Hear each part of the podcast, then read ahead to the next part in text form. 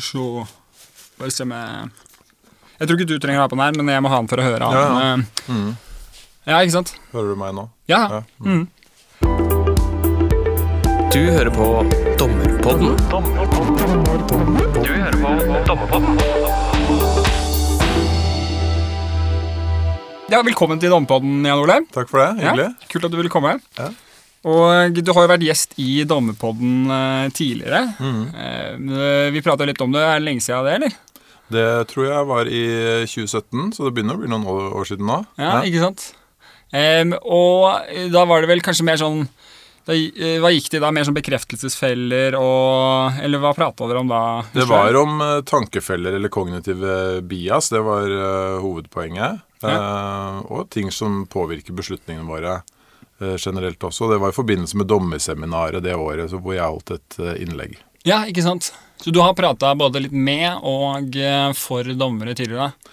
Dommere og jurister generelt er jo veldig glad i beslutningspsykologi, så det, mange av de jeg snakker for, er, eh, er jurister. Ja, kult. Så vi er ikke bare glad i beslutninger og ta, ta beslutninger, vi er også glad i psykologien eh, bak dem. Ja, og det må jeg si, det er eh, Det beroliger mitt eh, hjerte. Ja. Det er, jeg tenker jo at det er viktig at jurister er det. De tar jo noen ekstremt viktige beslutninger for folk. Mm. Eh, Så, og da spesielt dommere, selvfølgelig. Ja, ikke sant? Det, det er godt for rettssikkerheten i Norge at, at dommere bryr seg om det. Ja, ja, ja, det er jeg helt enig i. Og det er derfor det er veldig kult at du vil komme hit i dag. da.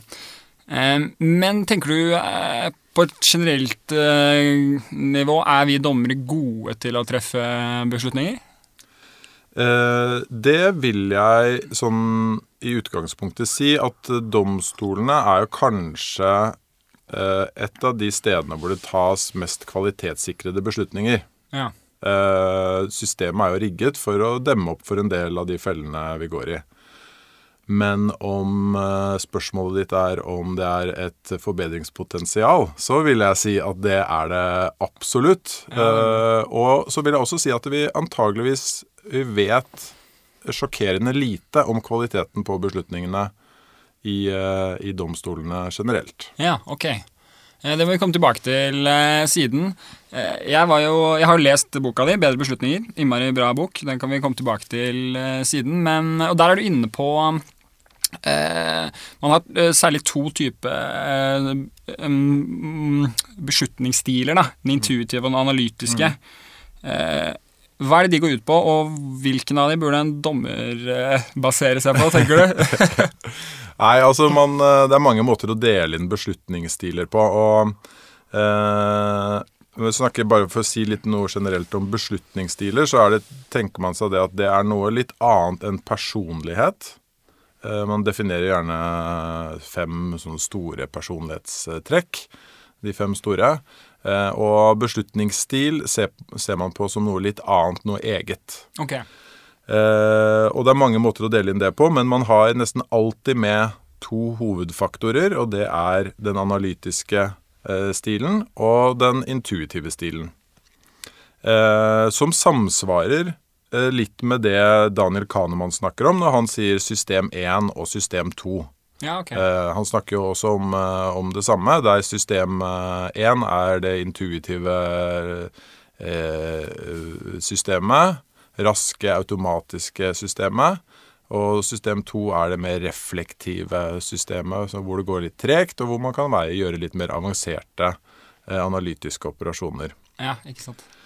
Eh, Så de to stilene sammenhenger sammen eh, med det. Eh, Og eh, vi er nok Vi har nok alle begge tendenser i oss, eh, men noen er vektet mer i retning av den andre. Og eh, på spørsmålet ditt om hva, som, hva en dommer bør gjøre, så tenker jeg jo at selv om det ikke er noe sånn iboende rett eller galt ved de stilene, så er det noe, noen beslutningssituasjoner som stiller krav til at man er mer eller mindre av det andre. Ja.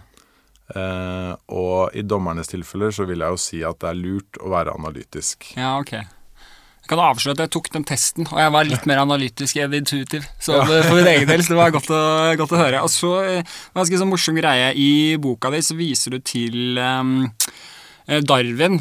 Han var vel også en ganske analytisk eh, type. Vil du bare fortelle hvordan han eh, resonnerte? Ja, altså, den, Det kapitlet det åpner med historien om eh, Darwin, som eh, på midten av eh, 1800-tallet eh, måtte ta stilling til om han skulle gifte seg eller ikke. Ja. Eh, og dagbøkene hans er godt bevart, så vi vet hvordan han gikk fram. Og han gikk fram ved å sette opp en ganske, ganske omfattende for- og imot-liste. Eh, og det, han, det var da snakk om å gifte seg med kusinen eh, sin, da. Eh, og på, eh, på motlisten så sto det et forferdelig tap av tid. ja, ikke sant. Ja, hans store, store frykt, eh, det var jo at han ikke skulle få nok tid til å jobbe. På den positive siden så tenkte han jo at det var bra, bra sosialt. eh, for han sosialt sett. Men han skrev også, og den positive siden sto det også at eh, en kone er uansett bedre enn en hund. Eh, så, så det var noe av det som vippet han over til å faktisk mene at han burde gifte seg. Ja, ok, nemlig. Men da måtte han sette opp en ny for- og motliste, eh, og det var når det skulle skje, da. Så Ja, han gikk systematisk Ja, virkelig. Jeg, jeg sier historien nå om eh, kusina og da senere kona fant en liste, eller? Det, det sier de ikke noe om, men de ble jo, de ble jo gift, og Ja. Eh, etter alt å dømme så var det et ganske godt eh, ekteskap. Ja, ok. Stilig. Um, all right. Um, da tror jeg vi skal Jeg må jo også presentere deg litt grundigere, Jan Ole. Du er psykologspesialist og jobber for tiden med en doktorgrad i beslutningspsykologi. Den driver du med på deltid fordi du til daglig er programsjef i stiftelsen DAM, og der kvalitetssikrer du utdelingen av, av om lag 500 millioner kroner årlig til norske helseprosjekter og norsk eh, helseforskning. Stemmer det? Det stemmer bra. Ja, det er ikke verst. Eh, og eh, den observante TV-titter har vel kanskje også sett deg på Folkeopplysningen med Andreas Wahl og eh, Typisk deg med Petter Skjerven. Riktig. Ja. Stilig. Godt oppsummert. Er det noen flere TV-opptredener i nærmeste fremtid? Det er noen uh, småting som kommer, uh, kommer etter hvert som jeg ikke kan si så mye om uh, akkurat nå. Ok, Nei, da får vi smøre oss med tålmodighet. Eh, ok, kult. Da tenkte jeg at eh, en ting som jeg lurte litt på, eh, er den derre vi kan jo, Denne forskningsstudien som konkluderte med at sultne dommere er strengere Ja. enn uh, de mette dommerne. Stemmer det, eller er det noe eh, muffins med den forskningen?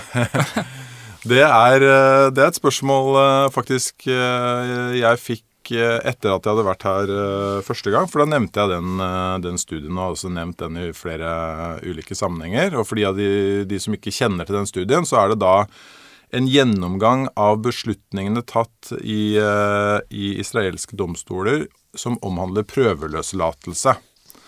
Eh, der, eh, der man har sett på når det, hva utfallet av de beslutningene var, altså gå for prøveløslatelse eller ikke, og sammenlignet det med når på døgnet beslutningen skjer. Ja. Og så så man at uh, det startet med en veldig høy grad av, uh, av innvilgelse av prøveløslatelse. Ja. Og så stupte det i løpet av dagen til rett før lunsj. Til, uh, det gikk fra sånn type 70% til nesten 0 Wow. Og så skjøt de hver igjen etter lunsj. Og det, det var bygget på det, Konklusjonen var egentlig at det, det understøttet en teori om at vi blir slitne av å ta beslutninger. Og at eh, når vi blir slitne, så faller vi ned på den beslutningen som er enklest å ta. Eh, og da i det tilfellet her så var det å ikke innvilge prøveløslatelse Ja. for dommerne. Mindre papirarbeid for dem, var Ja, vel egentlig det som var tanken. Den studien har jo fått ganske mye oppmerksomhet. Har Mhm. til og med laget, vært med på å lage TV av den eh, selv. Um, og er en av de aller mest siterte artiklene innenfor beslutningspsykologien. Ja. Eh, Men så er det noen som har gjort analysene på nytt og sagt at dette her er så sterke effekter ser vi jo nesten aldri i beslutningspsykologien. Eh, og så har de gjort analysene på nytt, og så har de ment at eh, det er ikke tilfeldig hvilke saker som blir behandlet når på døgnet. Nei.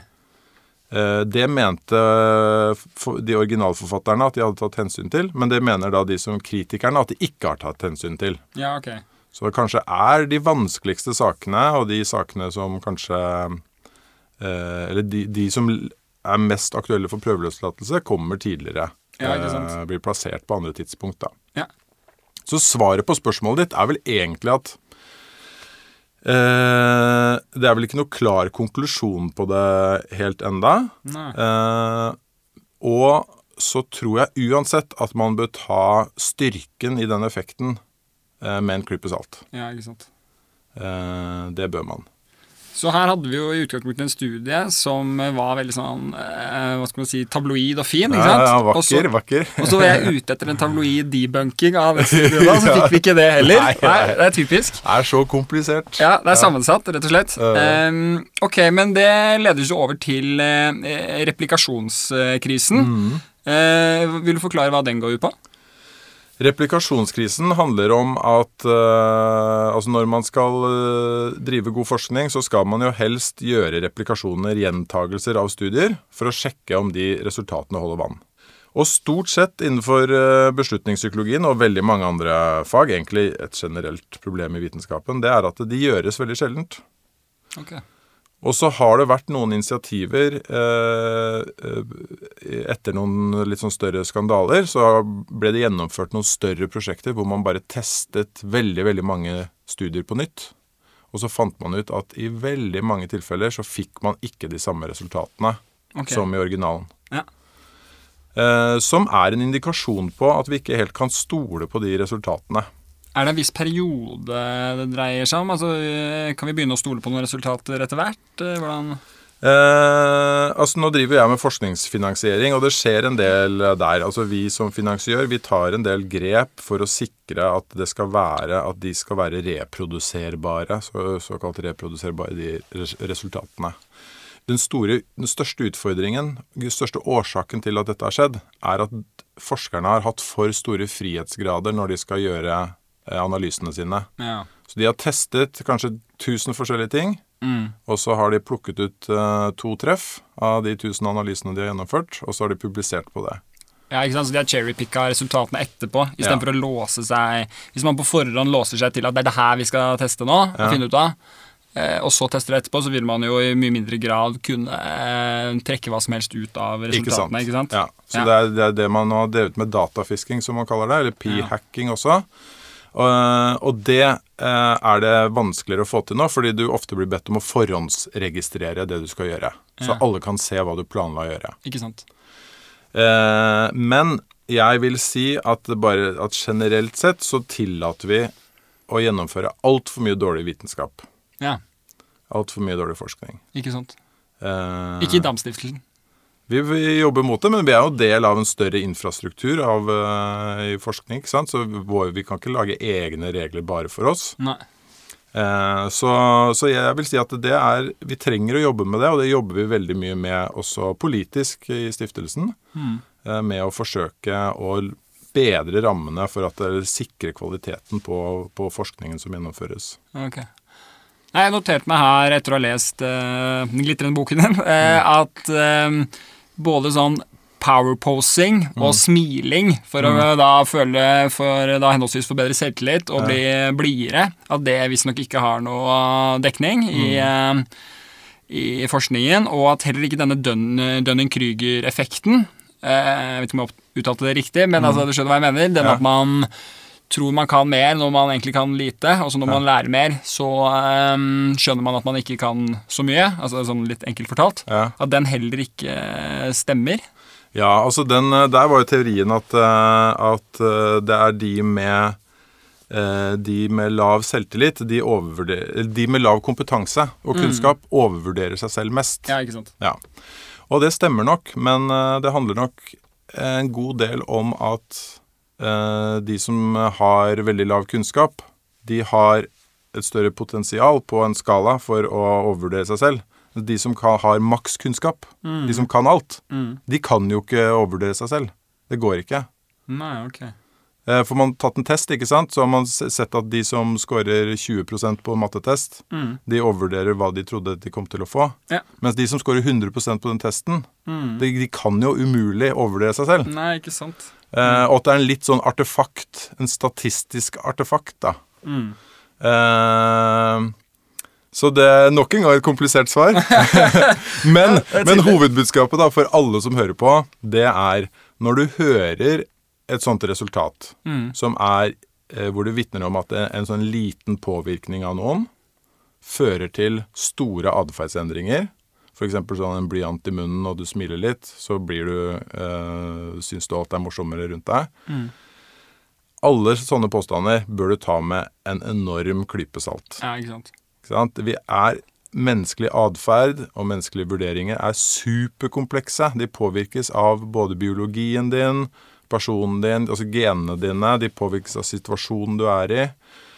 Eh, Så det at en, en sånn liten ting skal liksom gjøre store utslag, det eh, kan du anta eh, at ikke stemmer, og så bør du ha ordentlig gode bevis før du, før du endrer mening om det. Ja, ikke sant. Så hvis det er veldig egna for en VG-overskrift, så er det grunn til å være ekstra skeptisk. Det er akkurat det, og hvis, det er jo det som er problemet her, at de studiene gjerne får eh, aller mest oppmerksomhet i media. Så det er de som er vanskeligst å, å få luket ut etterpå. Ja, ikke sant. Så det powerposing-foredraget til hun Amy Cuddy f.eks., det er jo fortsatt, eh, fortsatt blant de aller mest sette den Ja. siste måneden okay. på, på ted.com, da, der det ble lagt ut første gang. ikke sant. Men det kan fortsatt være inspirerende, da. Så kanskje det er det Ja. ja. Ja. Men jeg er jo helt enig med deg. Men ok, vi skal jo eh, Tenkte vi egentlig skulle snevre oss litt inn til, mot støy etter hvert. Eh, Men bare for å runde av denne replikasjonskrisen, for nå skal vi jo Skal jo du fortelle oss litt om eh, hva støy er for noe, og hvordan hva vi kan gjøre med det og sånt. Men da er det også grunn til å si noe kanskje om hvorfor skal vi stole på den forskningen som støy baserer seg på, da, hvis du skjønner hva jeg mener. Ja. Men vil du si noe om det? Ja, det kan jeg godt si. Grunnen til at man skal eh, stole på det, er at eh, man får Her i dette tilfellet her, så får man de samme resultatene nesten overalt hvor man undersøker det. Ja. Eh, og så er det ikke eh, Det er en annen eh, måte eh, å forske på, egentlig. Så dette er et datasett hvor man har bare massevis av beslutninger, og så kan man identifisere denne graden av støy, som vi skal si litt mer om etterpå, mm. på en, eh, på en eh, litt annen måte enn man gjør når man bare driver sånn hypotesetestende eksperimenter, da. Ja, ok. Jeg skjønner. All right. Eh, og da eh, kan vi jo se litt nærmere på det. For det er jo sånn at vi har eh, såkalte eh, skjevheter, eller biases på godt norsk. Og så har vi jo da støy som preger beslutningene våre. Eh, og egentlig bidrar til at vi fatter dårligere beslutninger. Eh, vil du forklare litt hva eh, skjevhet og støy er for noe? Ja. Eh, og det er ikke nødvendigvis noen direkte motsetning heller, så det, dette er litt kompliserte fenomener. Men eh, la oss ta eh, skjevheter først. Kognitive bias, som det gjerne også kalles. Det er jo systematiske skjevheter i vurderingene våre. Ok. Så for eksempel så, så vet vi at uh, vi har en tendens til å være litt for optimistiske når vi gjør, uh, gjør anslag om framtiden. Så en gruppe, uh, gruppe advokater eksempel, som skal vurdere hvor mye man får i en rettssak, i erstatning i en rettssak, så er det forskningen tyder på at de er litt for optimistiske. De, Ja. de tipper litt for høyt. Ok. Eh, Det er en skjevhet. Så det er en systematisk skjevhet. Det er ikke alle advokater overvurderer ikke det, men det er en tendens til at vi mennesker eh, overvurderer i de situasjonene. Eh, så det er en, det er en skjevhet. Støy, det er Det handler mer om variasjonen i vurderingene. Så la oss si at du hadde ti advokater, da. Alle sammen sa at de trodde at i snitt at de får 500 000 mer i rettssakene enn det de faktisk skulle få. De er overoptimistiske. En skjevhet. Støy handler om variasjonen dem imellom. Okay. Så det, det, kan være, eh, det kan være at de bare er spredt. eh, kjempespredt. Hvis det er mye støy blant de ti advokatene, så handler det om at den ene kanskje sier 'jeg tror vi får ti millioner', den andre sier 'én million'. En eh, tredje sier eh, 400 000. Ikke sant? Enorm variasjon. Det er støy i signalet. hvis du skal gjette på hva du får, så er det vanskelig å tolke svarene fra advokatene. Ja, ok. Sant? Mm. Eh, hvis de hadde alle sammen vært kjempeenige, eh, og så og bare variert mellom 800 000 og, og 1 million, så ville det vært tryggere. Da hadde signalet vært tydeligere. Ja. Men hvis variasjonen er fra 400 000 til 10 millioner, så hva skal, hva, hvem skal du stole på? ja, ikke sant. Det er støy. Støy er den uønskede variasjonen i vurderingene våre. Ja. Um, og så er det um så er det dette med eh, psykologisk skjevhet også. Er det noe annet enn em, statistisk eh, skjevhet? Vi snakker stort sett om når vi snakker om eh, det, Ikke nødvendigvis. Så når vi snakker om psykologisk skjevhet, så hen, henviser vi til en av disse tankefellene eller kognitive biasene. Ja, ok. Mens, eh, mens eh, statistisk skjevhet bare beskriver fenomenet at du har en, liksom, en tydelig tendens i et materiale. Mm. Du kan samme skille de to tingene ved eksempelvis et termometer.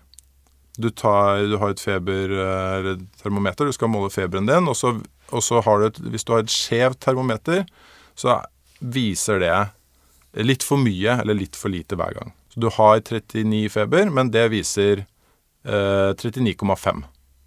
Ja. Og det gjør det hver eneste gang. Det er et skjevt termometer. Eh, et støyete termometer er et som eh, aldri viser samme temperatur. Så du har 39, men det viser eh, 39,2, 40, 37,5. Ja, Sant? Det er all over the place, da. Okay. Så du måler gjentatte ganger, men det gir helt ulike svar.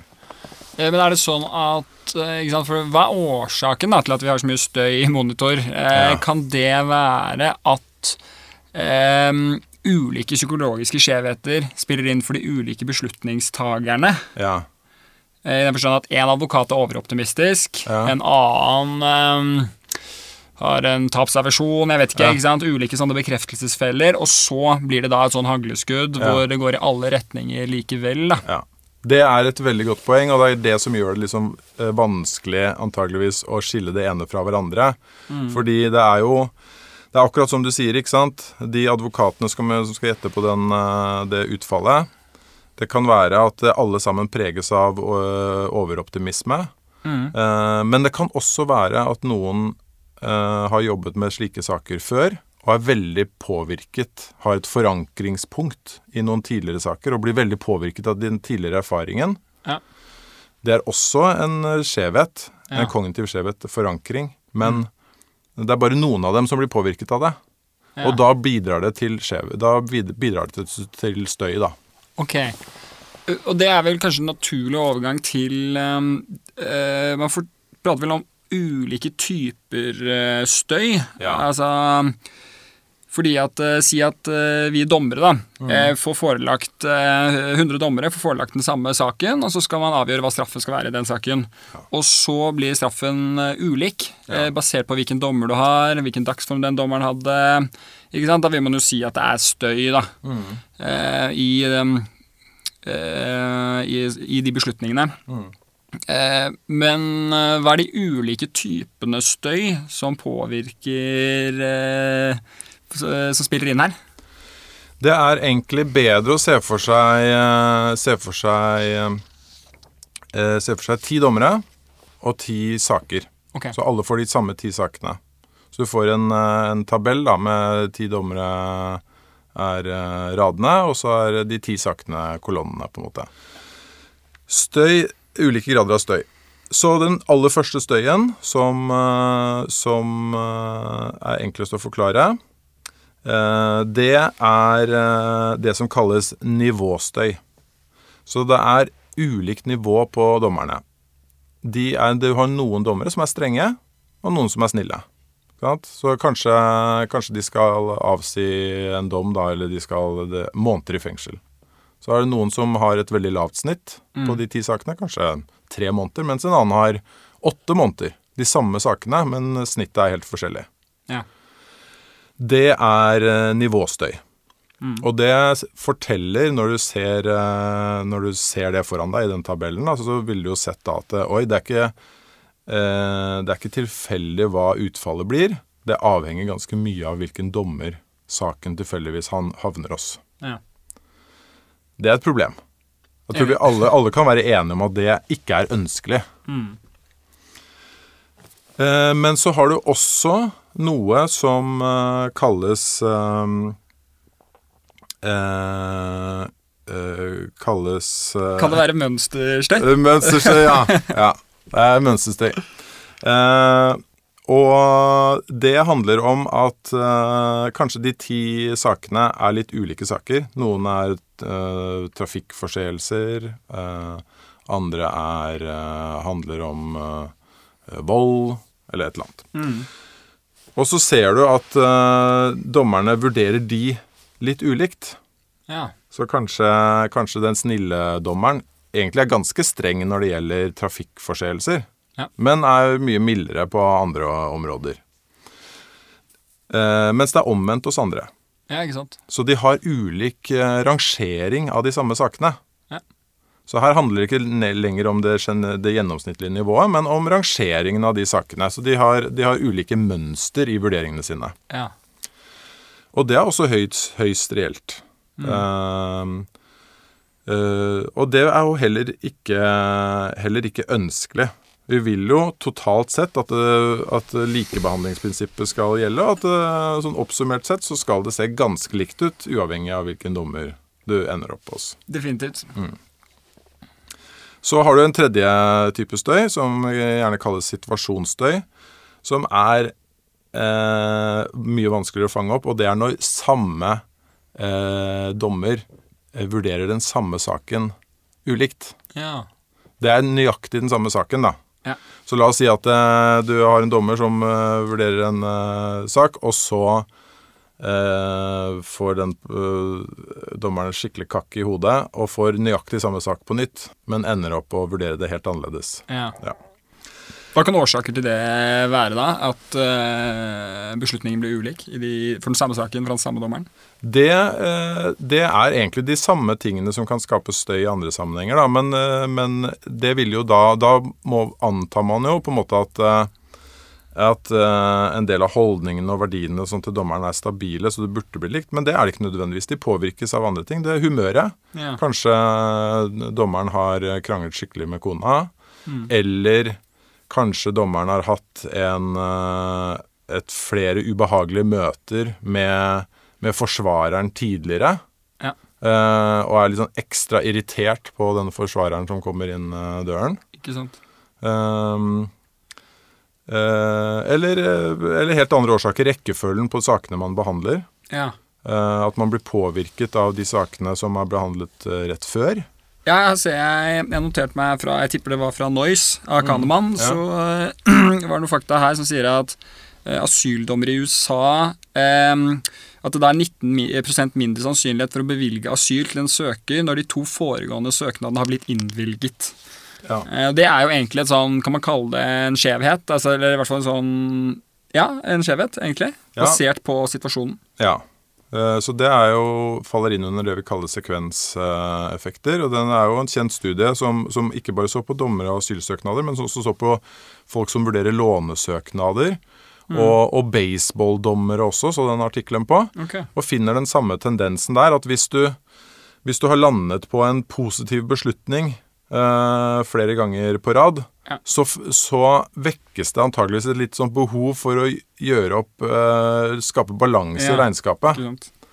Eh, Alle som har sett en fotballkamp, vet jo at det kan skje med dommeren der òg. Ja. Nå slapp det ene laget litt billig unna. Ja. Ok, da må vi være litt rause med det andre laget også. og det, det kan jo funke i en fotballkamp. Mm. Eh, eh, kan det være på en måte en viss Rettferdighet, rettferdighet i det. Mm. Men ikke når du behandler saker som presumptivt skal være uavhengige av hverandre. Nei, ikke sant. Eh, da blir det et ganske stort problem. Og det er nok en effekt som, som f.eks. Eh, nå kan ikke jeg kjempemye om dommernes arbeid, men la oss si fengslingsmøter. Hvis man har flere Yes. Mm. på rad, eh, så tror jeg at det kan ha en god del å, å si, faktisk. At Mm. man eh, At hvis man Sånn jeg har forstått det, så er, det liksom default eller standardbeslutningen, den vanligste beslutningen, det er at det blir fengsling. Ni av ti ganger. Ni av ti ganger, ikke sant? Så hvis du da plutselig eh, har to ganger sagt at her, nei, her skal personen uh, ikke fengsles, Mm. uh, så uh, vil jeg tro at, eh, at denne effekten kan seg, eh, gjøre seg gjeldende, da. Mm. Definitivt. Jeg har jo pratet med kollegaer om at eh, ja, så løslatt jeg, løslatt jeg tre ganger på rad. ikke sant? Og du Ja. må stille deg spørsmålet Ja, ja, er det meg ja. det er noe gærent med. ja, ikke sant? Men Ja, ja. du, du skal jo gjøre en konkret vurdering hver gang, og da har jo vedkommende da klart å overstyre den sekvenseringsfeilen, egentlig. da. Ja. Eh, bare til den der andre, når vi var inne på dette med situasjonsstøy, det er kanskje det som er mest sånn spennende tabloid-delen av støyet. da. Eh, så var det dette du var inne på, humør, ikke sant? hvordan det kan påvirke en eh, dommer. Så tror jeg det var eh, i Noise det også at det fremgikk at når man er i godt eh, humør, så er man også mer mottagelig for å bli overbevist. Man kjøper resonnementet lettere, man er mer enig med siste taler. Ja. Eh, eh, mens hvis du er i dårlig humør, så kan du være litt mer skeptisk til alt og alle, egentlig. Ja. Det stemmer nok. Eh, og det er jo flere andre studier som peker litt i samme retning. Altså når du eh, Når ting flyter for folk, også i budskap, hvis det er, ting er enkelt å forstå, og lett å ta til seg og sånn, så, så, så vekkes den kritiske sansen mindre. Så alt som, alt som eh, gjør at vi senker skuldrene litt, gjør faktisk det. At vi har mindre forsvar Ja. eh, når vi er, er i godt humør, da.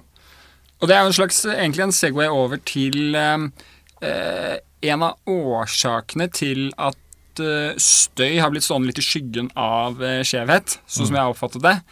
Eh, kanskje du eh, vil forklare hvorfor er det så lett for oss å intuitivt eh, kjøpe fenomenet skjevhet, mens støy er mer sånn Hva er støy for noe? Det er mer sånn vanskelig å Ja, fange. ja. Nei, altså Det som er fint med de skjevhetene, det er at de forteller tydelige historier. Ikke sant? Ja. Så for eksempel, eh, for eksempel overoptimisme. Det er jo det er lett å fortelle. Vi har en tendens til å overvurdere, og du kan knytte det til, veldig lett til egne, egne hendelser i eget liv. Du planla et oppussingsprosjekt, og dæven, det tok mye lengre tid enn det jeg planla det. Ikke sant? Ja, ja.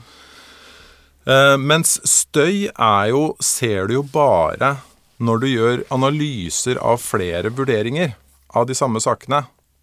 Du kan ikke si peke på Peke på en direkte liksom, Du kan ikke peke på støy i en beslutning.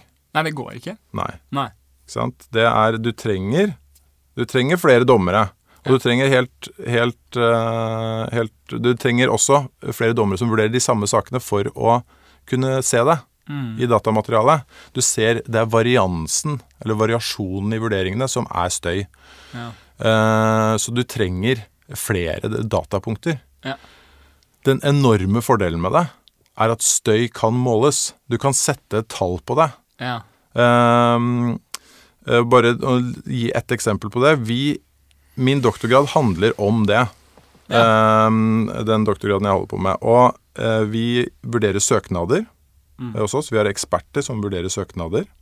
Vi har flere vurderinger for hver søknad. Uh, og de vurderer søknadene uavhengig av hverandre. Så det er egentlig litt det samme som dommerne gjør. Det er De vurderer informasjon og skal falle ned på en beslutning.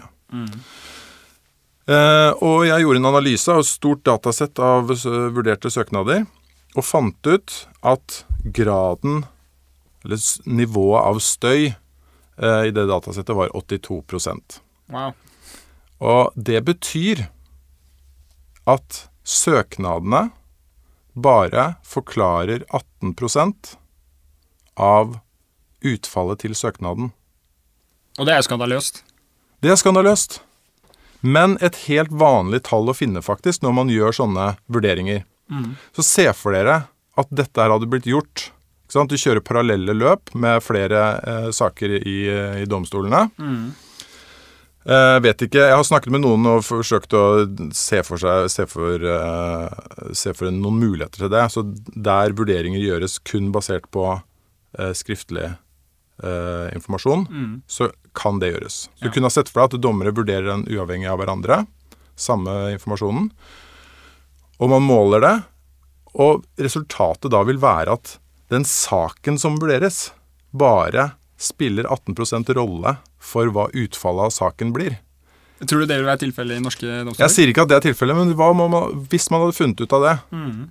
ville jo vært eh, ganske bekymringsverdig. Ja, det måtte vi holdt for oss selv. ja, Så-. Mm. Eh, og det førte jo til at vi gjorde enorme endringer eh, i, eh, i vår søknadsbehandling. Yeah. Eh, vi kunne ikke leve med det. Vi sier til søkerne send en søknad, så skal vi gjøre en profesjonell vurdering av den. Mm. Eh, Og så kaster vi terning. ja, også I prinsippet så er det en hel haug med andre faktorer som spiller en rolle. Eh, hvem den personen er som vurderer søknaden, eh, når på dagen det skjer, eh, hvor, hvilket humør den personen er i. Mm. Eh, massevis av andre faktorer. Ja. Eh, og det mener jeg er den store, store forbedringspotensialet er å gjøre sånne støyrevisjoner eller sjekker Ja. i, i, i, norske domstoler. Det tror jeg vi burde gjøre. ja, det høres ut som uh, vi burde. Um, er, det, jo, er det foretatt noen støyrevisjoner i norske domstoler? Eh, ikke som jeg vet, og jeg har, eh, har snakket med noen i eh, administrasjonen om det også. Eh, og det er klart det krever jo det krever jo en rigg, og det krever litt spesielle saker. Ja. Jeg vet ikke nok om hvilke muligheter som finnes, men sånn jeg har forstått det, så er det noen saker som vurderes av flere dommere, eh, og som også baserer seg på Skriftlig behandling? skriftlig behandling. Ja. Så det ideelle der hadde vært å sørge for at de, eh, de dommerne er Noen saker hvor det er tre dommere, tror jeg, som vurderer basert på noe skriftlig eh, materiale. Em, ja, det kan godt være du har uh, rett i. Er det i lagmannsretten? Ja, i lagmannsretten så er det i hvert fall det. Ja. I tingretten så har vi jo tre dommere, men da er det jo sivile som er de to andre meddommerne. da. Ja, ikke sant. Men da, da tror jeg det var lagmannsretten. Men man kunne sett for seg det at da hvis de skjermes for hverandres vurderinger, Ja. uh, så kunne man, kunne man ha gjort det. Sånn jeg forstår det, så er det sånn i dag at det er én dommer som skriver et utkast først, og så kommer dommer nummer to inn Mm. uh, og kommer med sine innspill på det, og så kommer dommer nummer tre inn etterpå. Det funker ikke Nei. til støyrevisjon.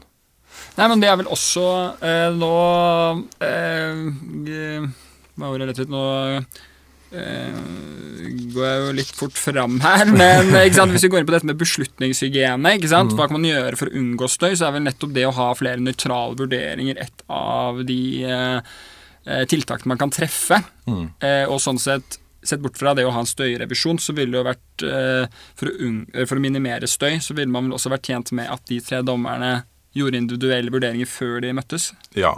Det eh, er en nødvendighet. Altså Ja. den, den Det har ingen verdi å analysere eh, vurderinger til personer som har snakket med hverandre. Eh, vi vet at vi blir påvirket veldig av hva andre mener.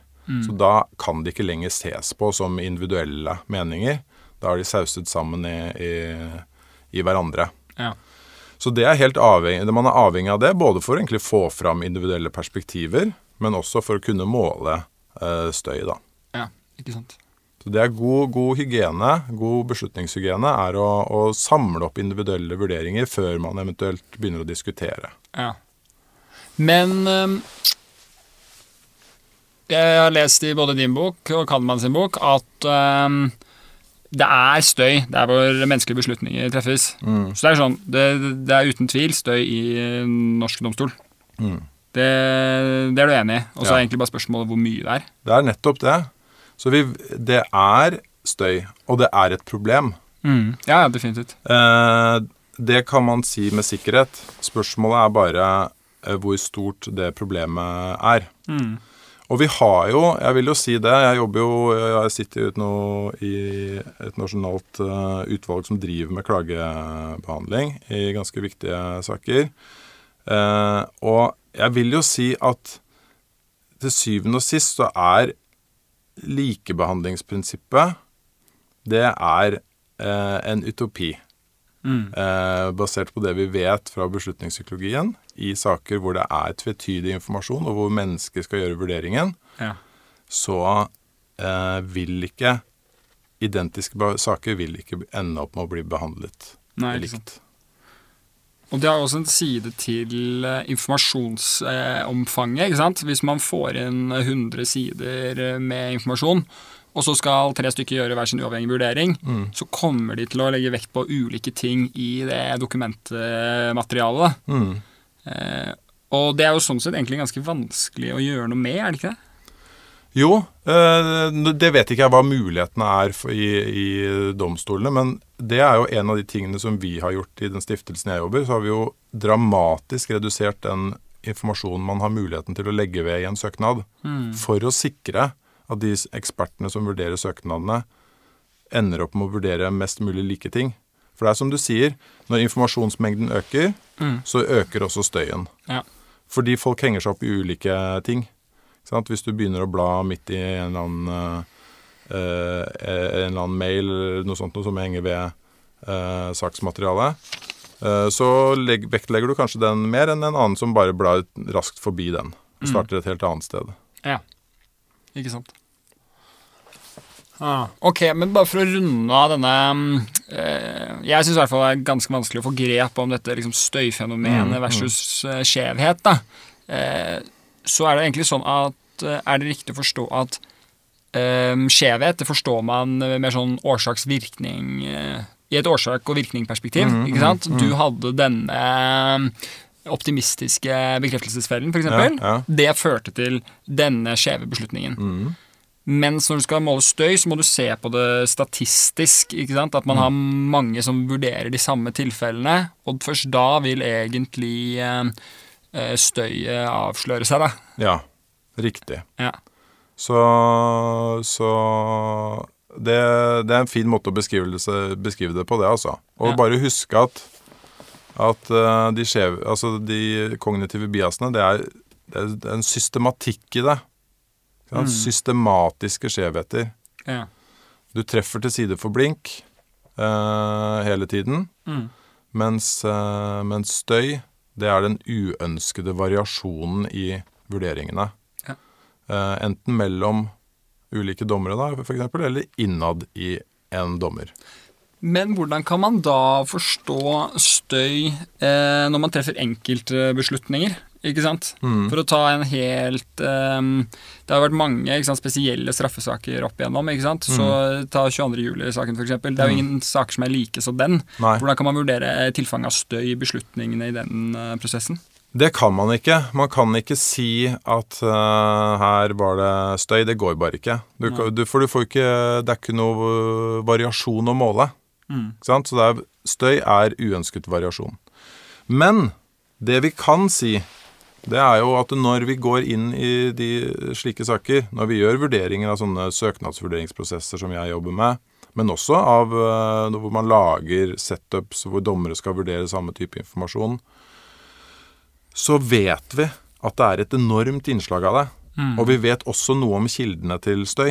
Ja. Sant? Det er sånn som rekkefølgen. Det er eh, sånn som humøret til eh, dommeren. Personen. Personen, ikke sant? Ja. Eh, og så eh, Så vi, vi må bare tenke at det er så godt dokumentert at det er en utfordring. Så vi vet at det er det i enkeltsaker også. Ja, Vi kan bare ikke i den enkeltsaken peke på eh, tall eller eh, En årsak, sånn som man kan årsak. skjevheter. Ikke sant? Ja.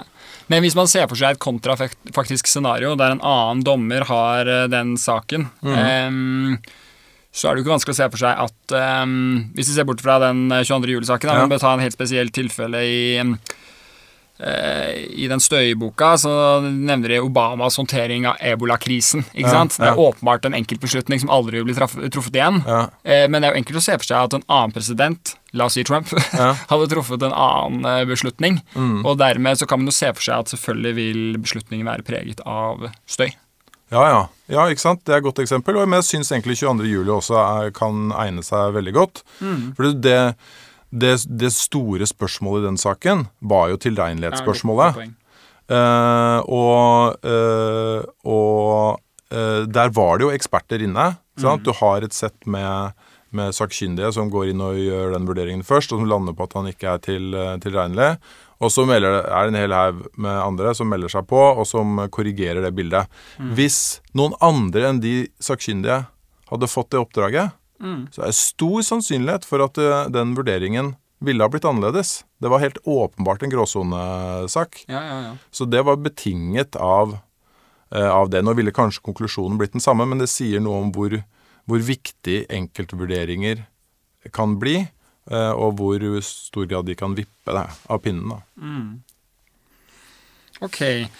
Da tror jeg eh, I hvert fall jeg har det relativt klart for meg forskjellen mellom støy og skjevhet. Og så skal vi prøve å gjøre en revisjon, da. Ikke sant? Vi skal måle mengden av det. Eh, og så eh, har jeg skjønt at hvis jeg skal måle skjevhet, så må jeg vite hva som er riktig. Altså hva som er eh, midt i blinken, Ja. ikke sant? Mens for støy så trenger jeg ikke å vite egentlig hva som er riktig svar, eller riktig dom. Nei, Er det riktig oppfattet? det er helt riktig, og det er det som er det fantastiske med støy. Ja. Eh, så, eh, eh, så hvis vi bruker det advokateksempelet, da. Mm. Du har ti advokater som gjetter på hva, eh, hva man skal få i en rettssak. Mm. Og så eh, tipper de da eh, rundt en million. Det er snittet er en million. For å vite eh, om de er eh, for optimistiske, så må du jo vite hva det faktisk blir, da Mm. i den saken. Eh, og hvis du da får, får 500 000 i saken, så har de åpenbart vært litt for optimistiske. Ja. Eh, men du får aldri vite det hvis ikke du får, vi, får fasiten. Men med støy så treng, er det helt irrelevant hva eh, svaret faktisk blir. Det du er interessert i, er variasjonen. Og variasjonen er jo i seg selv et onde i denne typen eh, Ja. beslutninger, ikke sant? Det er det. For dommer, eksempel. Ja. Mm. Eh, så, og hvis de da, som jeg i det nevnte eksempelet mitt, varierer fra 400 000 til 10 millioner, og, de, og de som ligger mellom der er spredt rundt uh, i det intervallet, Mm. så da vet du jo at eh, det, det er upålitelig. Svaret fra de eh, advokatene er upålitelig. Det kan godt være at en av dem er kjempetreffsikker, men du aner jo ikke hvem det er. Eh, så, så du kan si at her er det masse støy, helt uavhengig av hva eh, eh, hva som skjer. Hva svaret er. Ja. Mm. Og det for å sammenligne med våre, våre søknadsprosesser. da. Mm.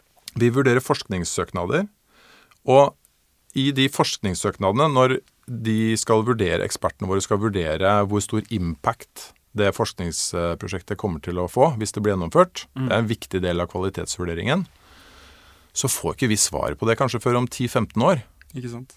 Da, Vi vet ikke det svaret før om 10-15 år, så vi vil egentlig aldri få muligheten til å sjekke om de ekspertene våre er gode. For de er byttet ut før det har gått 10-15 år. Ja. Eh, men eh, variasjonen i vurderingene deres, det ser vi i det øyeblikket de er ferdige med vurderingene. Så kan vi se shit, her var det mye støy. Det er fem stykker har vurdert de samme søknadene, men de er overhodet ikke enige om hva, eh, hva man bør gi i karakter eller vurdering til de søknadene. Men er ikke det poenget i seg selv, det du er inne på der, med at um, man vet ikke hva resultatet blir ikke sant, før Mm. om 10-15 år. Men det trenger ikke nødvendigvis egentlig å si noe om beslutningsprosessen har vært god. For innimellom så vil man jo ha flaks. ikke Ja, ja, sant? ja. Man uh, tar en avgjørelse, og heldigvis så gikk det bra å basehoppe. ikke sant? Ja, Eh, Det er ikke dermed sagt at det er en god beslutning. Nei. Uh, og tilsvarende sånn at uh, Du er vel inne på noe av det i boka di, lurer jeg på. At det blir gjort en vurdering ja, Dommere gjør en vurdering av om eh, en beslutning har vært god, avhengig av om man eh, fikk erstatning eller ikke. Ja, Jeg tror det var noe i den duren. det er riktig det. Uh, det blir et lite sidespor, men det, er, det, det var et eksempel der uh, Det var faktisk norske dommere som svarte Ja. på det spørsmålet.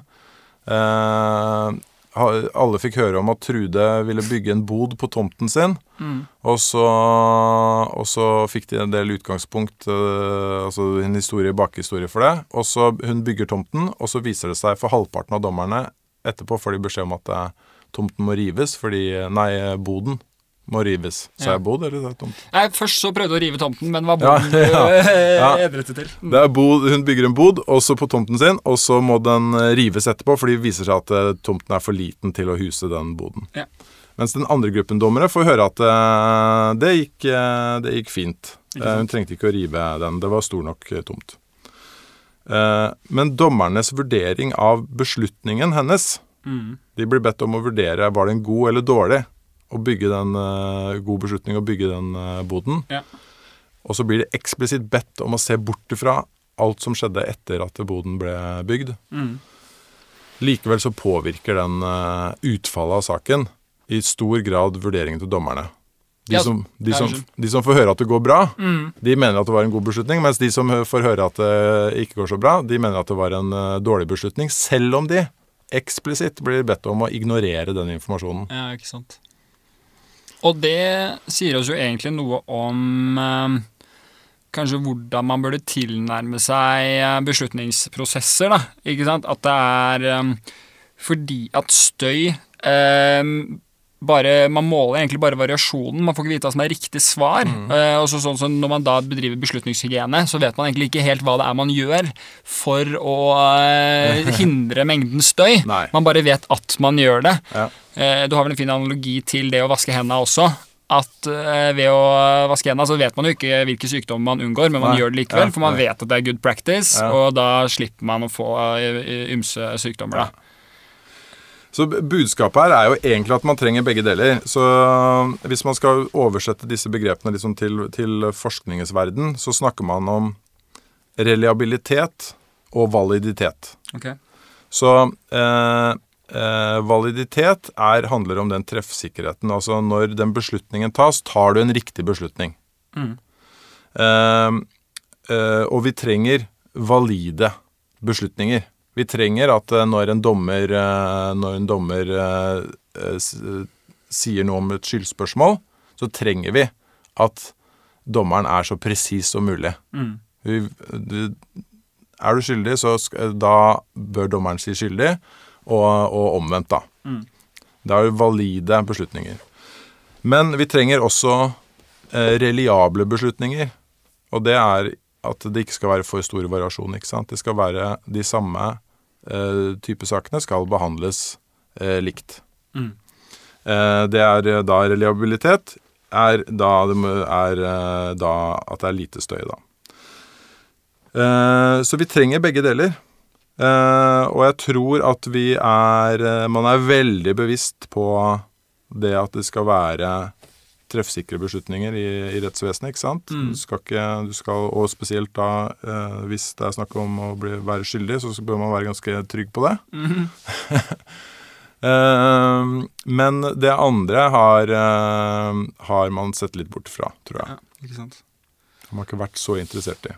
Ok, men eh, hva skal vi gjøre da for å bli bedre beslutningstagere i eh, domstolen? Man bør, eh, man bør lære om beslutningspsykologi. Ja. Ikke sant? Så et eksempel er jo at man må sette seg i hva forskningen sier om det. Så hvis rekkefølgen på sakene plutselig eh, Hvis man vet at det har noe å si, Mm. så bør man ha et bevisst forhold til rekkefølgen på sakene. Ja, ikke sant. Spesielt i saker hvor man, hvor man behandler ganske like saker etter hverandre. Eh, det er én ting å ta noen sånne åpenbare eh, grep. Man vet også at tidspress eh, gjør at vi faller mye, i mye større grad tilbake på litt sånne snarveier og eh, i beslutningstagningen vår. Vi er mer sårbare for kognitive bias når det er mye tidspress. Ja. Man kan tenke på hvordan man rigger informasjonen man skal vurdere. Bør man ha noen begrensninger f.eks. i mengden informasjon? Eh, eh, ikke sant? Det er én side av det. Ta de litt sånn åpenbart lavthengende fruktene fra beslutningspsykologien. Men det viktigste av alt, tenker jeg, det er jo nettopp å begynne å gjøre systematiske målinger av det. Ja. Der man kan det. Mm. Og det vil jo være veldig vanskelig i mange saker i Norge. Du kan ikke kjøre eh, en stor straffesak flere ganger. Nei, det hadde blitt kostnads... Ja, og det, og det er en ting er at det er kostnader, men det er ikke umulig heller, ikke sant? Du nei, kan, nei, nei. Eller du kunne jo ha sett for deg at du har, eh, har eh, fem forskjellige dommerpaneler som ser på den samme saken, da. Ja, det kunne man Eh, det kunne man sett for seg. Men eh, man bør undersøke om det finnes noen muligheter til å bare ta noen stikkprøver av det. Hmm. Eh, og man trenger ikke mye. Man kunne ha, sånn som de sakene vi snakket om, man kan ha holdt med at det gjøres eh, i 20 saker, da. Ja. At man får uavhengige vurderinger. Ville det vært bredt nok materiale til å si noe interessant om eh, støynivået i domstolene? Ja, Ja. det ville det. Mm. Eh, Det ville vært en eh, stikkprøve av det. Jeg kunne ikke generalisert veldig, men hvis det hadde vært bekymringsverdig lavt der, eller øh, tillitsvekkende høyt, så er jo det, er det et godt tegn. Hvis det er veldig lavt, så kunne man jo gått videre da med å forsøke å undersøke hva er det som er driverne av det. Er det enkeltdommere som eh, har veldig, veldig avsidesliggende måter å vurdere sakene på? Mm. Handler det om det, eller er det, er det andre faktorer? For det kan man også begynne å analysere da, hvis man får litt flere vurderinger. Men kan man ikke også eh, bare finne på saker, da? Med faktum og øh, ulike typer tilfeller? Så treng, ikke sant, basert på ekte saker, for så vidt. Og så kan man gjøre det som en sånn forskningsstudie. da vil man kunne potensielt få ganske mye data, da. Ja, det kan man eh, absolutt gjøre. Mm. Eh, og det er jo gjort også andre land. eh, med ikke sånn veldig tillitsvekkende resultater, da. Det, er jo, det viser jo nok en gang mye støy i de beslutningene. Ja. En tilbakevendende, eller en kritikk mot de sakene vil jo alltid være at de er ikke naturlige, og dommerne legger ikke ned den innsatsen eh, de ville ha gjort i en normalsak, da. Ja.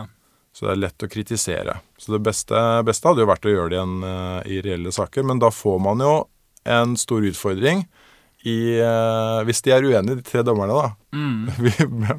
Hvordan skal man lande en beslutning til slutt? ja, ja. Få skrive en dissens, da, så må man være uenig. Ja, ja. Ja. Mm. Men noen må jo være enig. Hvis man har tre dissenser i Langsetten, så vet jeg ikke helt hva um, Ja, ok. Ja, for jeg mener at um, Kahneman og co. Uh, de er jo inne på en sånn forskningsstudie hvor de hadde laga noen saker. Eh, og de mener jo det at eh, antagelig er støyen høyere enn det de påviste i det studiet sitt, fordi at det er jo mindre mm, rom for støy når du bare får et, et lite faktum, skriftlig behandling, Ja. enn når du kommer inn i en muntlig hovedforhandling med parter som er sjarmerende, og eh, vitner som er plagsomme, og sant, alle disse tingene som kan påvirke eh, beslutningene. ja. Og som, vi, eh, som ikke bare kan det, men som vi vet gjør det. Mm. I varierende grad, selvfølgelig, men det det er et viktig poeng, det. At antageligvis så er den underestimert, da, den Ja. graden av støy. Ikke sant? Et sånn rettskildemessig poeng, det blir jo litt på siden av det du driver med, åpenbart, men det er jo at man kan jo ha um, ikke sant, Når man utmåler straff, så kan man ha normalstraff for ulike typer tilfeller. F.eks. Uh, alvorlige trusler. 15-30 dager som et utgangspunkt. Eh, og så kan man se på de konkrete omstendighetene i den saken. Og Sånn er det jo for så vidt for mange lovbrudd eh, i Norge. Og det vil jo sånn sett redusere um, rommet for støy når man utmåler straff. Samtidig som det er mye rom for støy eh, når man da skal se på de formildende og skjerpende omstendighetene, de Ja. konkrete omstendighetene Ja. ved saken. ikke sant? Man har vel data på at kvinner f.eks. blir straffet mildere enn menn i visse typer promillekjøring eller sånne farts eh, veitrafikksaker, tror jeg. Ja. Um, Ja, jeg kjenner til, jeg kjenner til de studiene der, ja. Mm. Så det er jo Da er det åpenbart noe støy i monitor. eh, Ja. Mm. Og noe støy øh, Ikke sant? Så man, da, I de sakene så må man skille mellom hva er det som er uønsket variasjon, og hva er det som er, eller som er akseptabel variasjon. Mm. Fordi eh, de studiene der har, Det er vanskelig å liksom kartlegge alle mulige forklaringsfaktorer, for det kan være systematiske og, og riktige skjevheter i det. At det Ja. kan være noe med graden. Ikke sant? At eh, vet, De har vel kontrollert for hvor fort man kjørte, eller eh, Ja. eh, om man hadde eh, ansvar for barn og Det var mange ting man hadde Ja, kontrollert for. Men, men det er ikke sikkert at eh, man klarer å kontrollere for alt. Så noe Mm. av den variansen skal kanskje være der eh, likevel. Ja. Men, men at man bør på en eller annen måte forsøke å undersøke dette, Mm. det eh, mener jeg man burde. Og det er massevis av tiltak man kan vurdere som, som følge av det. Så la oss si at eh, la oss si det likebehandlingsprinsippet er kjempe, kjempeviktig, og man bør være enda tryggere på at like saker blir behandlet likt. Så kan man jo se for seg at uh, man får eh, eh, AI-støtte da, Mm. til å generere, eh, hente fram eksempler på lignende saker, eller generere et slags forslag til en straff basert på disse karakteristikkene. Mm. Eh, jeg sier, jeg har, Det er masse innvendinger mot det, altså. Ja, Men jeg jeg bare. Mm. kommer med et uh, eksempel på hvordan man da kan angripe en del av de utfordringene man identifiserer. Ikke sant? Eh, så det blir jo egentlig mer en sånn her em, At man starter med et sånn algoritmebasert eh, utgangspunkt, ikke sant? og så kan det komme en menneskelig overprøving Mm. eh, siden da, for å se på hva er det eh, den kunstige intelligensen har kommet uh, fram til her. Da. Mm. Ja. Så, men mange utfordringer med det. Så, ja. så det var bare ett et eksempel. Men hos oss i den stiftelsen hvor jeg jobber, så har vi er jo Noe av det vi har vært mest systematiske på, er å forsøke å analysere beslutningsprosessene våre. Se hvilke, hva bidrar de ulike elementene til. Hva skjer i gruppediskusjonene? Eh, hvordan bør vi rigge de for at det skal være, gi best mulig rom for gode beslutninger? Eh, og så har vi gjort kjempestore grep eh, som følge av hva forskningen sier, og hva våre egne analyser har kommet eh, fram til. Ja. Eh, og vi har stort forbedringspotensial, vi også, men jeg tror noe lignende burde man jo systematisk gjøre i domstolene. Det er jo kanskje det viktigste eh, altså stedet for beslutninger i, Ja, ja. i samfunnet, kan man si. Definitivt. altså Bare noe sånt som sant, at eh, støy eller skjevheter kan forsterkes når man er i en gruppe. ikke sant? Eh, og vi dommere i, og dommerfullmekter i straffesaker så har vi jo med oss to meddommere, og så trekker vi oss tilbake og har en domskonferanse hvor vi sitter i en gruppe. Eh, der er det jo rom for å utvikle litt eh, støy, skulle jeg tro. Det er jo kanskje eh, i sånne situasjoner hvor det skapes aller mest eh, støy. Eh, og det er jo eh, gjort noen studier eh, som viser at sant, når du gir ulike grupper de samme oppgavene, skal vurdere de samme oppgavene før og etter diskusjoner, så blir man i gruppene så blir man mer enige. Ja. Det skjer også i søknadsbehandlingen vår. Ekspertene, når de setter seg ned for å diskutere søknader, så blir de mer enige. Vi har gjennomført hundrevis av sånne gruppevurderinger, og de blir alltid mer enige. Eller det vil si, de blir aldri mer uenige. Noen ganger så er det på stedet hvil, men de blir stort sett alltid mye mer enige etter å ha diskutert. Ja. Og vi tolker nok den enigheten som et tegn på at nå kommer de nærmere en sann vurdering av søknadene. Sant? En riktig vurdering. Ja. vi ble enige. Det er riktig. Ja, ja. Men eh, hvis man sender de samme søknadene til ulike grupper, så kommer de fram til ulike konklusjoner. ja. Så det betyr at den enigheten den kan ikke handle om søknadene. Fordi de ulike gruppene lander på forskjellige konklusjoner om de samme søknadene. Enigheten må handle om gruppedynamikk og sosialpsykologiske prosesser, ikke om søknadene.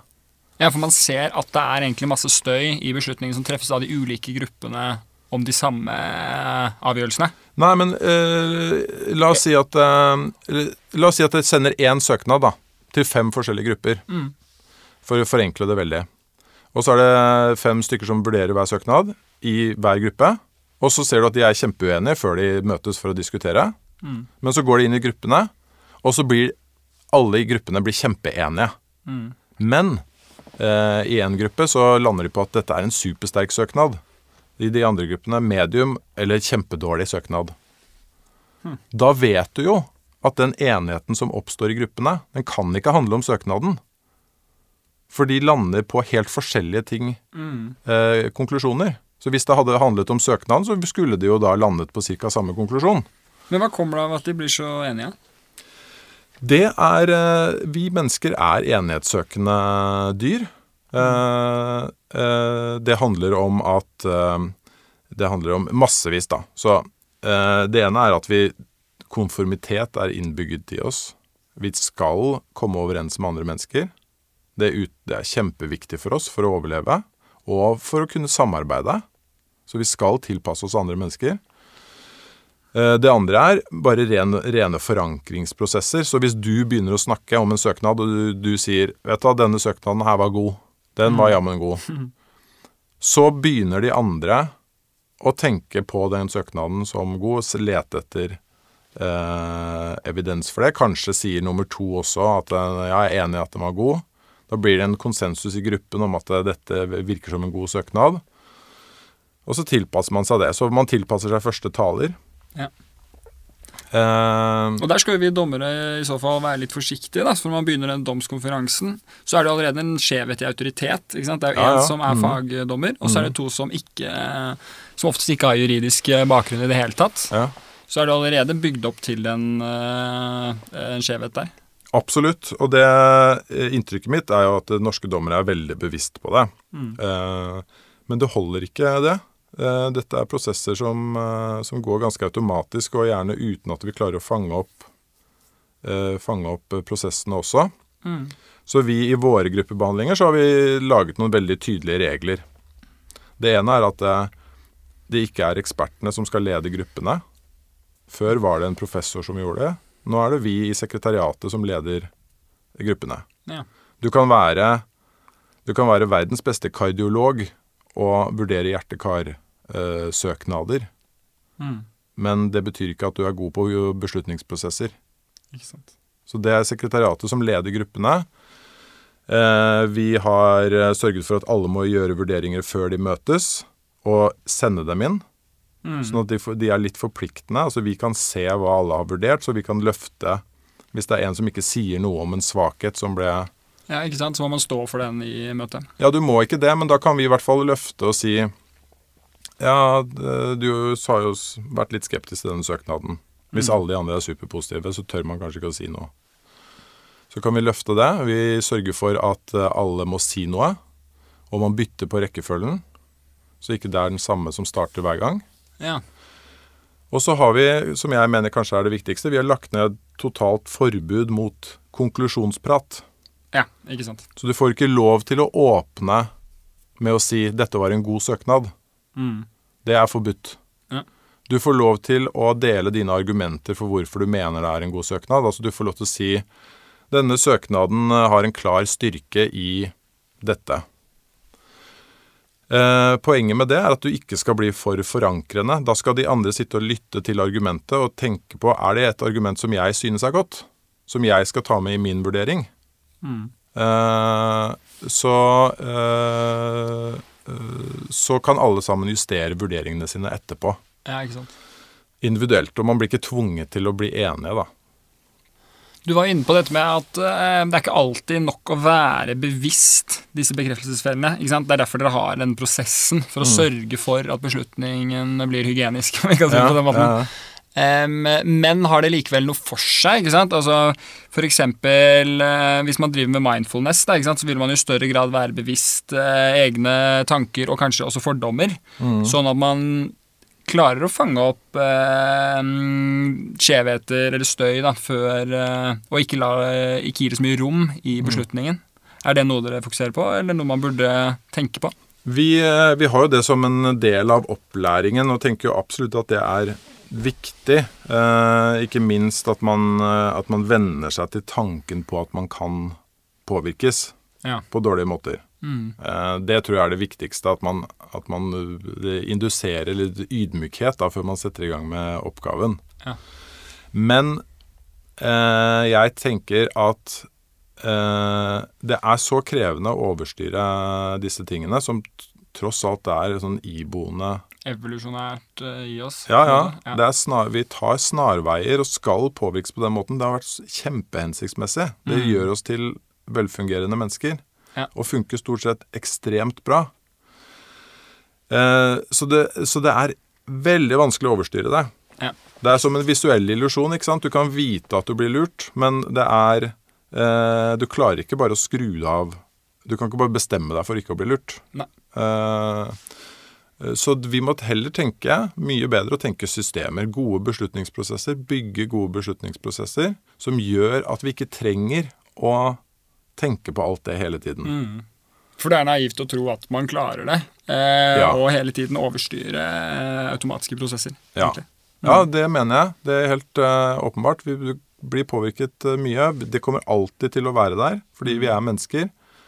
Eh, men vi kan lage gode eller mindre gode beslutningsprosesser. Ja, Ikke sant? Så det å designe det og ha god beslutningshygiene, det er, eh, det er bra. Og så var du inne på eh, noe annet litt interessant. Altså det å bruke et presist språk, det er jo vi jurister eh, glad i. Mm, ja. Og vi bruker jo mange begreper. eh, og så hadde du et eksempel eh, fra PST sin trusselvurdering Ja, ja, ja. i 2019. Ja. Vil du fortelle litt om det, eller? Eh, nei, det, jeg hang meg jo litt uh, opp i det, og det er ikke den eneste som har gjort det. Men, uh, men da Jeg leste en trusselvurdering for noen år siden, jeg husker ikke hvilket år det var, jeg tror det var 2019 eller noe sånt. da. Så kom trusselvurdering, og da står det jo en sånn skala i den trusselvurderingen som PST bruker. Eh, og det var Jeg tror det året så konkluderte de med at det var eh, sannsynlig Jeg tror Med- det var mulig. Ja, var mulig eh, med eh, angrep fra høyreekstreme terrorister. Ja. Så er jo spørsmålet hvordan er det folk eh, Hva betyr det for noe at det er mulig? Mm. Eh, eh, og jeg laget en undersøkelse som eh, noen tusen nordmenn svarte på, hvor jeg stilte, brukte ulike begreper. Så hvordan er det folk tolker mulig? Hvor stor er sannsynligheten når noen sier at noe er, mulig at noe skjer? Ja. Hva tolker man det som? Eh, eller sannsynlig, eller meget sannsynlig, som de også bruker. Eller bankers. Eh, Bruker PST bankers? de gjør ikke det, de gjør ikke det men jeg, var, jeg lagde en liste da på, på 30 sånne ulike uttrykk som handler om sannsynlighet. Ja. Og eh, for mulig så strakk, eh, strakk det seg faktisk fra at noen mente at det betydde 1% sannsynlig. Ja, det er mulig. Ja, ikke sant? De tenkte det. La, det er bare, ja, ja, det betyr jo bare at det er mer enn null. Ja. Eh, mens andre mente at eh, når noen sier mulig, så betyr det 95% sikkert. Ja. Eh, I gjennomsnitt lå det på 35% Jøss. så, Men poenget med det begrepet er at av de 30 begrepene så var mulig det begrepet hvor det var størst variasjon. Mm. Så når nordmenn hører mulig, så tenker de alt mulig, Ja, for å si det sånn. Ja, det var veldig slagordsmessig. Men eh, hva med bankers, da? Det tenker jeg er rimelig bankers. Eh, det, det jeg vil jo tenke, det er 100 Ja. Altså Hvis noen sier det er bankers, kanskje trekker jeg ned 1 så, så for å gi bitte litt ligningsmann. Ja. Eh, hvis jeg ikke husker helt feil, så var det noen som var helt nede i, eh, på 50-tallet Ok. eh, på, på det begrepet. Ja, ikke sant. Og eh, eh, ja, så, for, så Poenget er at tolkningsrommet er enormt stort, og det er klart at det er støy. da, Mm. sant? Når du begynner å snakke at det er mulig med terrorangrep, og, og, og tankene i hodet til folk spenner fra 1 til 95% sikker, Ja. Så, så er det, det er støy. Så du, du skaper problemer for deg selv når, hvis du bruker et upresist eh, språk. Og nå har jo faktisk eh, PST gått over til å legge ved prosenter Mm. for de eh, begrepene. Ja, ikke sant. Problemet er bare at de prosentene ikke samsvarer med hva folk legger i de begrepene. Så kanskje burde man bare Holdt seg til prosent? ja, bare holdt seg til prosentene. Og det er det jo eh, også flere sikkerhetseksperter som har tatt til orde for, da. Ja. Men det jeg gjerne skulle sett, er tall på utover enhver rimelig tvil. Hva Ja. mener eh, den gemene hop om prosentandelen? Altså, hvor sikkert er det? Det er jo et kjempegodt spørsmål. Burde jeg ha lagt til i den undersøkelsen min? Mm. Ja, for det at sant, Man snakker om utover enhver rimelig tvil. Altså Du skal være skyldig, da. Utover Ja. enhver skal være bevist utover enhver rimelig tvil, eller skal være overbevist. Du skal Ja. være helt sikker. Ja. Det er mange begreper her. Og så er det Ja. sånn, ja, men hva innebærer ikke sant? Det er jo ikke, så vidt meg bekjent, en høyesterettsdom som stadfester 95 Nei. Er det ikke sant, sikkerhets... Uh, hvor sikker du skal være. Er helt sikker et begrep som brukes? Ja, det mener jeg. Ja. Jeg har i hvert fall hørt det bli prosedert. Ja. Eh, nå skal jeg ikke påberope meg at det er autorisert i rettskildene, men eh, ja. Uh, men jeg har ikke hørt bankers. Det har jeg ikke. Men det er et kjempeinteressant spørsmål. Og eh, det, det har helt åpenbart betydning for beslutningsprosessene. Mm. Så hvis hver eh, enkelt eh, dommer eh, har ulike tolkninger av det, så vil jo det skape uønsket variasjon. Mm. Ikke sant. Ja, og sånn sett så er jo da presis begrepsbruk eh, noe som eh, eh, Ved å ha fokus på det, så kan man jo også da prøve å minske mengden støy, rett og slett. Ja. Mm. right. Um, tenkte vi skulle gå inn for landing. Har du eh, tre konkrete tips vi eh, i, i domstolen kan ta med oss for å treffe bedre beslutninger, og støyfrie beslutninger, ikke minst? Uh, ok, da vil jeg uh, Vet ikke om jeg kommer til tre, men det, det aller første vil være å som sørge for å ta stikkprøver av, av støy. I noen beslutningsprosesser. Sørg for å samle inn uavhengige vurderinger av eh, den samme beslutningen. Altså det samme saksmaterialet. Eh, og nummer to, tenk veldig nøye gjennom eh, alt som har med gruppeprosesser eh, å gjøre. Eh, eh, vi vet at det er sårbarhetspunkt nummer én da, når flere mennesker skal ta beslutninger sammen. Eh, Så, så bidrar det både til å forsterke, eller veldig ofte til å forsterke skjevheter, tankefeller, eh, og, og støy.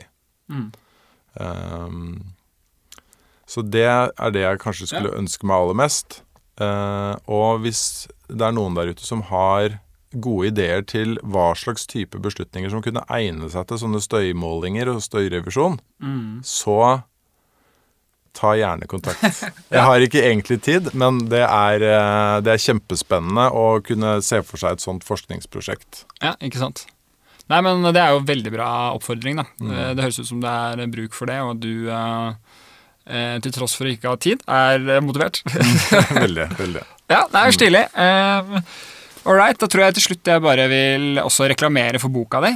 Bedre beslutninger. eh, som du har skrevet sammen med en annen eh, dame som har hjulpet deg med å skrive den. Hva er Ja, en journalist som jeg har jobbet med tidligere i både Folkeopplysningen og Typisk eh, deg, som heter eh, eh, som heter Reidun, som er eh, kjempeflink. Og vi er godt fornøyd med den boken. Kommer også nå som lydbok. Ja, nemlig, ikke sant. Og halvparten av inntektene gikk til Gi effektivt, eh, noterte jeg meg. Riktig. Det er. Det er den beste beslutningen med å kjøpe boken, er at, eh, at eh, en god andel av pengene går dit. Nei, ikke sant.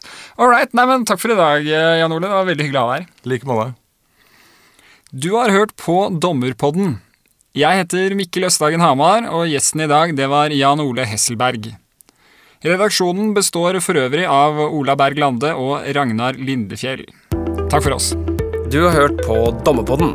Dommepodden er en podkast fra Norges domstoler og er først og fremst ment som et kompetansetiltak for dommere. Hvis du har ris, ros, forslag til temaer eller folk vi kan prate med, så er vi glad for å høre fra deg, og da kan vi nås på podkast at domstol.no. Ha en god dømmende hverdag så lenge. Vi høres.